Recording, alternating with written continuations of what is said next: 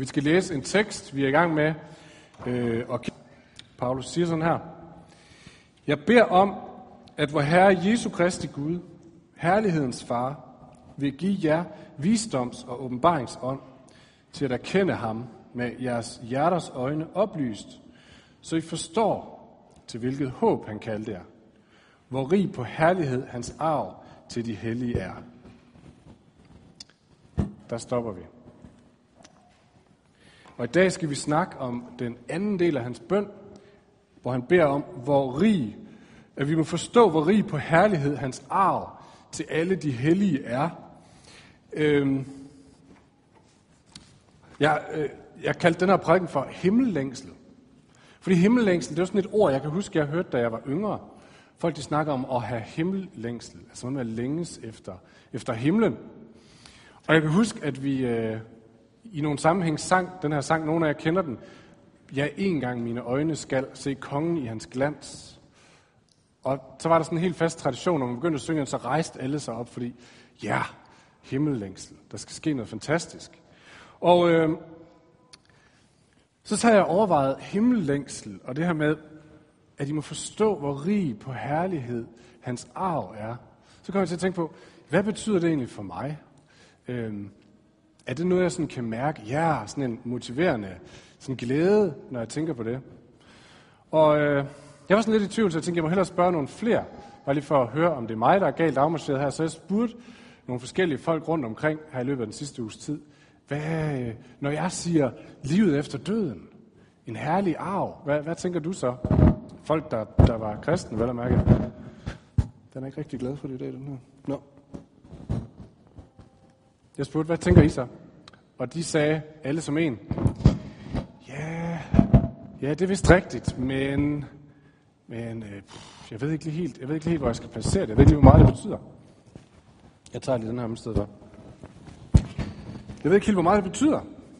Og øh, folk havde det ligesom mig. Jeg ved ikke lige, hvad det betyder. Det vi er blevet optaget af, det, det her liv, det er, hvad der kommer til at ske i det her liv, hvad der er opsving og nedsving, og øh, håber på, at det går godt. Ligesom folk i gamle dage var optaget af, hvad sker der efter døden. Det kunne være et bud. Et andet bud på, at, man, at vi, jeg, måske ikke er så optaget af det, er, kunne være, at øh, vi har ikke lyst til at blive beskyldt for at være sådan øh, verdensfjerne. Altså man kan se de her kristne for sig, som på en eller anden måde øh, bare hele tiden tænker, øh, jamen en gang bliver det godt, så lige nu, der, der er jeg næsten ikke til stede i det her liv. Jeg har ikke lyst til at blive beskyldt for at være sådan en verdensfjerne nogen. Det kunne være en årsag. Øh, en anden årsag kunne være, jeg har godt nok hørt om det her med et liv efter døden, men det billede, jeg har hørt, det har jeg meget svært ved at forholde mig til. Det, mm, jeg, kan, jeg kan ikke rigtig lige se, hvor jeg skal placere det. Øh, det. Det lyder faktisk ikke attraktivt. Det kunne være en anden årsag til, at det her med et, en herlig arv, et liv efter døden, ikke er sådan specielt motiverende. Det kan godt være, at du har det helt modsat. At du bare tænker, det er virkelig fedt, og det er virkelig motiverende. Øh, så er du på linje med Paulus her. Prøv lige at vente til din sidemand og sige, et liv efter døden, er det motiverende, eller er det sådan, nå ja. Ja. Jeg ved ikke, hvad I svarede, det er sådan set også lige meget, men Paulus han siger i hvert fald her, at det er helt vildt vigtigt. Paulus han skriver det her brev til de her menigheder, som ligger i Lilleasien omkring byen Efesus, og øh, han skriver til dem, til nogen, som måske har mistet modet lidt, som måske har tænkt, Gud er vildt fed, Gud forvandler verden, det er fantastisk, men nu er det som om, ah, har lidt tabt, tabt troen på det, tabt frimodigheden, tabt håbet, det er blevet hverdag. Og Paulus han skriver til dem for at sige, nej venner, løft hovedet. Hey, der er noget, I ikke har, der er noget, I har glemt. Og en af de ting, han beder om, det er, hey, hvis I bare fattede, hvor rig på herlighed den arv er, så vil det ændre ikke bare evigheden, men så vil det ændre jeres liv her og nu. Der må altså være et eller andet her. Så hvis du ligesom mig har tænkt, ja, jeg ved ikke lige, hvor motiverende det er, så er der måske et eller andet, vi skal have fat i her. Og øh, så kommer næste udfordring for mit vedkommende. Jeg tror også, jeg sagde det sidste gang. Det går op for mig, jeg kan ikke prædike sådan en himmellængsel frem. Jeg kan ikke stå her og give den så meget gas omkring, omkring himlen, at de sidder og tænker bagefter, ja, yeah, det er fedt. Desværre, jeg vil ønske, jeg kunne. Øh, så, så det bliver ikke... Øh, det bliver ikke det, der bliver inde på den her prædiken sandsynligvis. Øh, men det jeg kan, og det jeg vil prøve at gøre, det er at prøve at tegne det billede, skriften, Bibelen giver af livet efter døden op. Prøv at tegne det op, og måske kan det være med til at sætte nogle tanker og nogle håb og nogle drømme i gang i os. Måske kan det være noget, vi går til Gud med hver især og siger, Gud, det har jeg lige brug for at forstå lidt mere. Så jeg prøver at tegne det billede op. Men først så kan vi lige prøve at tegne op, hvordan har det typisk set ud i kristne kredse. Og der har det typisk været delt op i sådan to forestillinger omkring det her med livet efter døden. Den ene kan vi kalde proces. Det handler om, at folk de tænker, verden bliver bedre og bedre. Det går fremad. Guds rige spreder sig mere og mere. Og en dag, så får det overtaget. Så vinder de gode kræfter. Og så i løbet af den her lange proces, så bliver det som himlen. Så bliver det godt på jorden. Og de kristne, som tænker på den måde, de tænker, hvis bare vi tager os sammen, hvis bare vi virkelig lever et godt liv og spreder gode ting, så kommer himlen. Så bliver det himlen. Man kan kalde det en proces. Det andet syn er det modsatte. Folk tænker, det bliver værre og værre. Den her jord, den er fordømt. Det er et rådent sted. Men det er heldigvis lige meget. Fordi en dag så kommer Gud, så sapper han alle de kristne væk, løfter os på en eller anden måde et andet sted hen. Og så skal vi leve der, i en eller anden form for paradis. Og så den her jord, den skal bare væk. Og de kristne, som tænker på den måde, de tænker, når men mit liv nu er her, i den her verden, mit forhold til, til det her liv, til naturen osv., det er ikke så vigtigt, for det skal alligevel bare forsvinde, og vi skal et andet sted hen. Sådan har det typisk været delt op, eller er det måske faktisk typisk, du kan måske genkende dig selv, mere eller mindre en af dem. Det, som er overraskende, det er, måske overraskende, det er, at Bibelen har ikke nogen af de to syn. Så når Paulus han taler om, wow, hvis I bare fattede herligheden, så snakker han altså ikke om øh, sådan et cheer up, det bliver bedre og bedre, en gang så bliver det skønt, glæd jer. Han siger heller ikke, nå ja, men pyt, en dag så gør Gud noget helt andet, så bare hold ud. Der er altså et eller andet sted midt imellem. Og hvis man, hvis man skal sådan forklare det på tre punkter, så kan man sige, Bibelens billede af det her, Bibelens billede af den herlige arv, som venter, kan beskrives sådan her. Begyndelsen af historien er, Gud skabte verden godt. Ondskaben kom ind og inficerede verden. Gud genopretter verden. Gud nyskaber verden. Det billede, som jeg altid kommer til at tænke på i denne forbindelse, det var for et par år siden, halvandet år siden, hvor min mellemste datter, Alma Lena, vores mellemste datter, brækkede benet. Fem minutter forinden var hendes ben super godt. Hun kunne løbe, hun kunne hoppe. Så brækkede hun benet. Så var benet ikke det, det var før. Hun kunne ikke hoppe. Hun kunne ikke løbe. Der blev nødt til at blive gjort noget. Hun måtte på sygehuset, og de måtte genoprette benet, kan man sige. Få benet tilbage til det, det var tænkt til at være. Det er det billede, Bibelen giver. Gud genopretter verden. Får det tilbage til sådan, han havde tænkt sig, det skulle være. Lad os prøve lige at løbe, øh, løbe de her tre skridt igennem, for ligesom at se, hvad Bibelen tegner af billeder. Så vi hører altså i begyndelsen, hvis vi tager vores bibler, starter på første side, slår op og læser, så hører vi om, hvordan Gud han skaber hele det her kosmos. Og han skaber det godt og perfekt. Som når jeg i dag sidder og kigger ud over Aarhus og ud over bugten og solen og tænker, wow, hvor er det lækkert. Det er fantastisk. Det var sådan, Gud skabte det. Det var lækkert. Det var godt. Tingene var i harmoni tingene fungerede. Han, der står, efter han har skabt det hele, at, at står, at Gud så, at det var godt. Det betyder, det virkede sådan, som det skulle. Det var den perfekte ramme om livet, om menneskelivet, og mennesket blev placeret ned midt i det her, til at begynde at fylde det med kreativitet, med kultur, med bygninger og alt muligt andet. Det var sådan, det var godt. Men så et kapitel senere, så ændrer billedet sig. På en eller anden måde sniger der sig noget ondt ind i den her verden. Og det starter med sådan en mistillid. Ondskaben forklædt som en slange spørger, ja, må en Gud nu virkelig ja, har sagt? Sådan en mistillid. Ja, er han nu så god, som han siger, han er? Vil han det egentlig godt? Og mennesket tog imod den her ondskab og lod den sådan, ja, det er også rigtigt, lyttede til den. Og resultatet, konsekvensen af det, blev, at den her ondskab inficerede, det er ligesom en sygdom.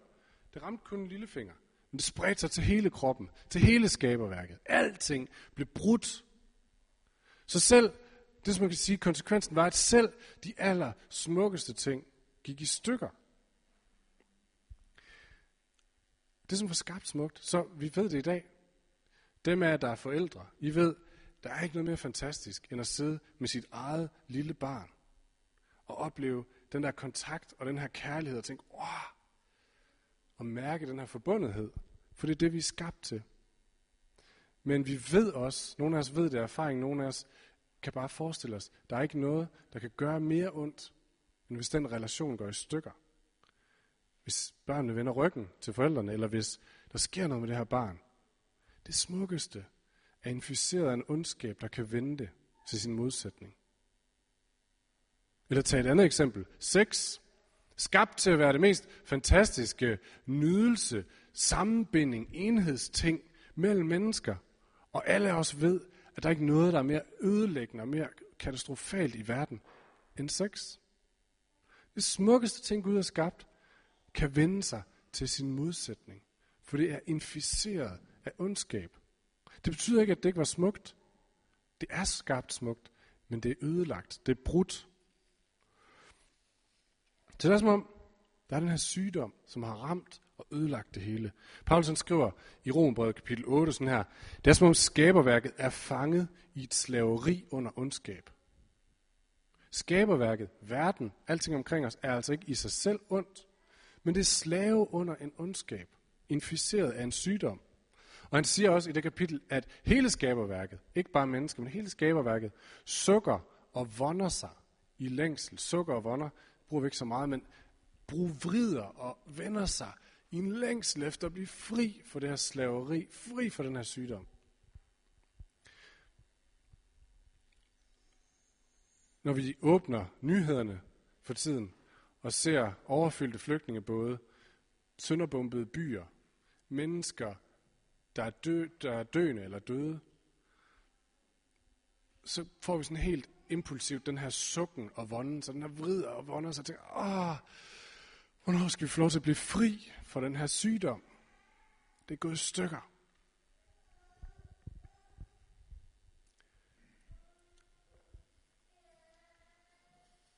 Jeg synes, jeg synes, Bibelen er meget realistisk i sin beskrivelse af verden. Jorden er skabt god, men den er gået i stykker. Og hvordan, uden at komme med sådan en billig, hurtig løsning, hvordan taler Bibelen så om en herlig arv, at det skal blive godt? Den kommer ikke bare med sådan en, well, det er bare ærgerligt, skær det af, ligesom med benet til min datter, der er brækket. Nå, men skær det af, for der er ikke noget at gøre. Det er ikke det, Bibelen siger. Den siger heller ikke, nå ja, men det kan godt være, det gør ondt, men løb alligevel, det skal bare løbes væk. Det er det, Bibelen siger. Bibelen siger, at der er en genoprettelse, som afskaffer sygdommen, som afskaffer det her ødelagte. Og øh, som det ofte er, når Bibelen skal fortælle noget, øh, som næsten ligger på kanten af, hvad vi forstår, så bruger den billeder. Så det, jeg vil prøve at gøre nu, det er bare at tage nogle af de her billeder frem, som Bibelen giver af, hvad er det her, den herlige arv, livet på den anden side. Hvordan ser det ud? Det er poetiske billeder, så det jeg siger vil blive sådan halvpoetisk. Øhm, ikke på grund af mig, på grund af billederne. Men vi skal prøve at tænke om det som sådan her, tænke om billederne sådan her. Det er ligesom, det er ligesom skilte, der står og peger ind i en tog. Vi får et glimt, som vi må begynde at forestille os. Hvad betyder det? Det første billede er billedet af vand. Paulus har et kapitel i øh, 1. Korintherbrev, kapitel 15, som er sådan et stort opstandelseskapitel, hvor han taler om, hvad det betyder, at Jesus er opstået, at vi skal opstå. Og han siger sådan her, at Gud skal være alt i alle. Det er Guds mål, at han skal være alt i alle. Og jeg tror, når han siger det, så refererer han eller låner han noget fra Esajas' bog. Esajas er en profet i det gamle testamente, som beskriver, hvad der skal ske en dag. Og Paulus, eller Esajas, han siger sådan her, at en dag, så skal jorden, hele jorden, blive fyldt af kundskab om Herren, ligesom vandet dækker havets bund. Så altså billedet af, at Gud som ligesom, Gud som vand skal oversvømme hele jorden med sit nærvær. At han, at han skal flyde ud over jorden. Og at jorden i det her billede er ligesom en tør havbund. En tør havbund, som bare venter på at blive oversvømmet af Guds nærvær. Jorden er smuk, men den mangler noget. Havbunden giver ikke nogen mening uden havet. Den bliver aldrig nogensinde fuldkommen uden den her oversvømmelse. Så Esajas og Paulus siger, en dag så skal Gud oversvømme jorden, den her havbund, med sit nærvær. Et andet billede er billedet af en, øh, en sejrig kamp. En sejrig kamp. Også i 1. Korintherbrev kapitel 15, der siger Paulus her, Derefter kommer enden, når han har tilintetgjort al magt og myndighed og kraft og overgivet riget til Gud Fader. For Kristus skal være konge, indtil Gud får lagt alle fjender under hans fødder, og som den sidste fjende til indegøres døden. Så det billede, vi får, er billedet af en kamp, og Gud som en kriger, der træder op imod den ondskab, den uretfærdighed, han ser, der rammer os. Og øh, nogen, nogen har brugt billedet af D-dag i 2. verdenskrig, den dag, hvor de allierede samlede absolut alt, hvad de havde af styrker, satte dem ind på Normandiets kyst og tog en forfærdeligt slag, som, hvor de mistede i tusindvis af mænd. Men de gjorde det, fordi de ville have fodfæste i Europa. Og når de først havde fået fodfæste i Europa, så vidste alle, så havde det tyske rige tabt. Så de kæmpede en enorm kamp for at få det her fodfæste. Og Bibelens fortælling er, at den kamp tog Jesus på Golgata. Som en kriger, der går op imod de fjender, som ødelægger vores liv, som bryder vores liv, tog han kampen og vandt fodfæstet. Men med Normandiet var der masser af kamp tilbage. Der var masser af territorier, der skulle vindes. Alle vidste, at kampen var afgjort, men derfor var der stadigvæk kampe, der skulle vindes. Og det er det, billedet også siger her. Der er stadigvæk kampe, der skal vindes. Og fordi vores far, vores bror kæmper, så kæmper vi mod den her ondskab. Vinder land tilbage. Og som den sidste fjende, en dag, så træder Jesus den her død under fod.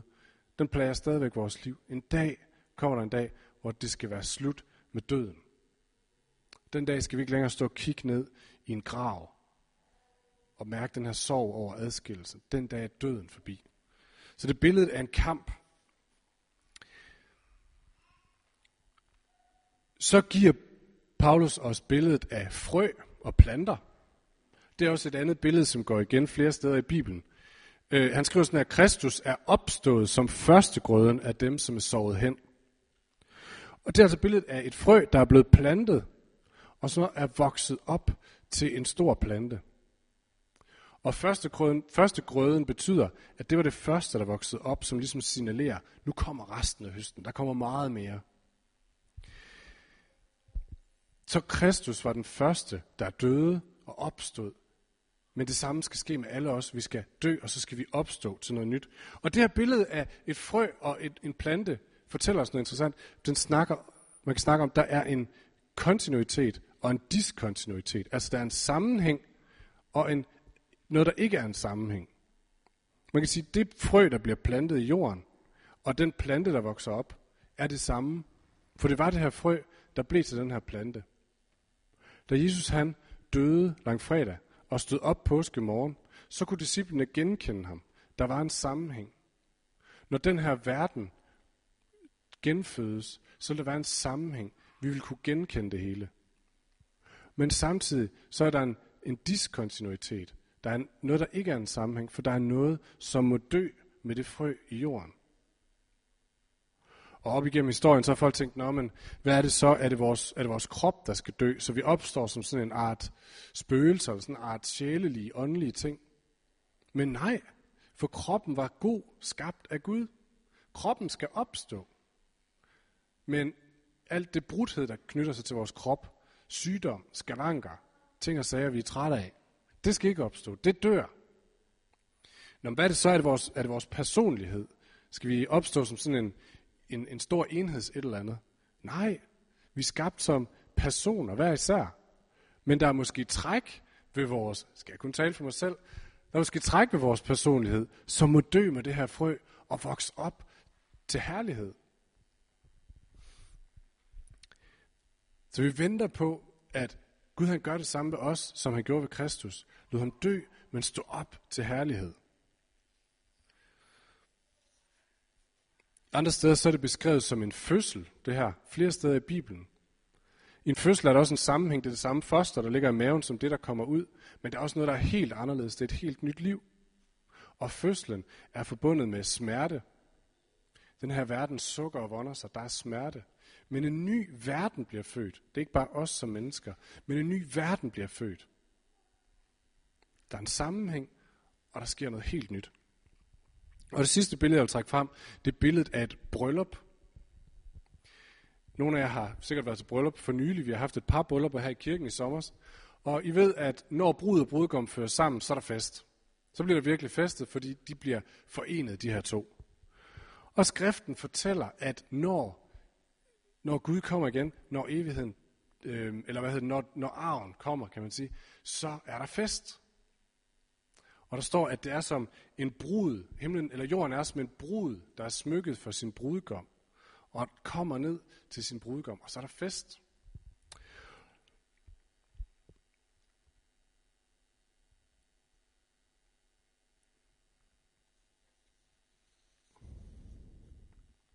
Og der opstår den her enhed igen. Hvis man ser tilbage på brudet i begyndelsen, det som medførte alt, alt ondskab og sygdom her i verden, så var det et brud.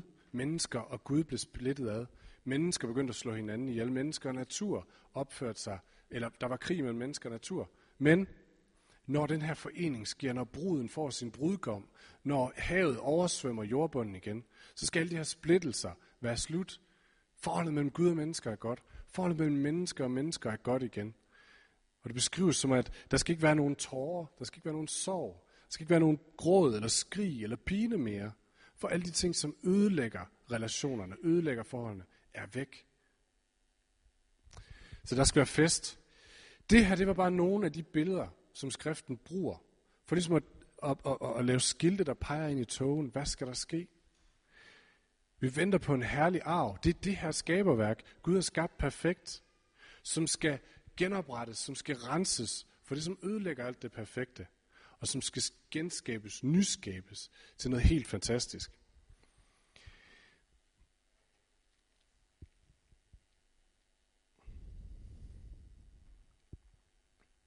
Noget, der kunne give rigtig god mening for os nu, det var, hvis vi satte os ned og begyndte at snakke om, okay, okay, hvad vil det så sige at leve det her liv nu, hvis det er det her, jeg ved?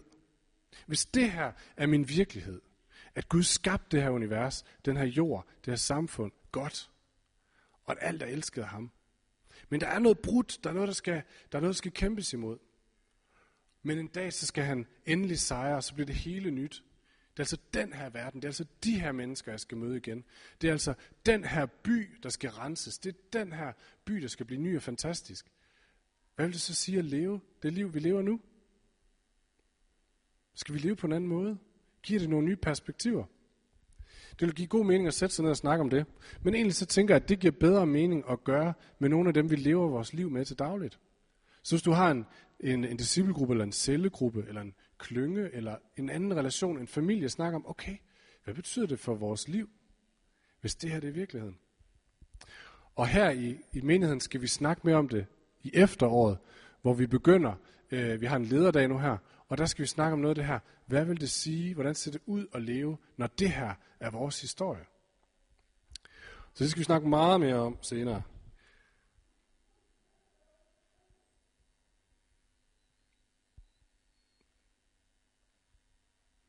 Det er Bibelens fortælling om, hvilken herlig arv vi har i vente. Lad os slutte med at bede sammen.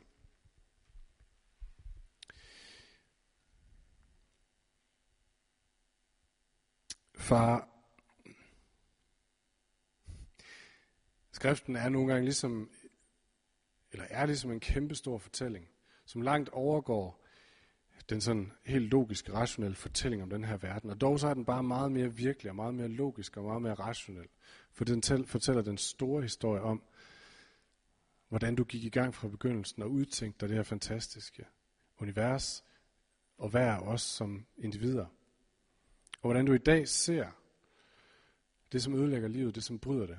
Hvordan du engang vandt over det, som ødelægger livet, og hvordan du hver dag kæmper mod det, og hvordan en dag, en dag så skal alt blive godt, så skal det renses, så skal det genopstå som en ny virkelighed.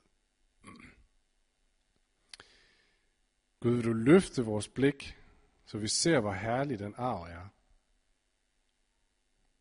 Så det bringer glæde og håb og kampglæde ind i det her liv. Amen.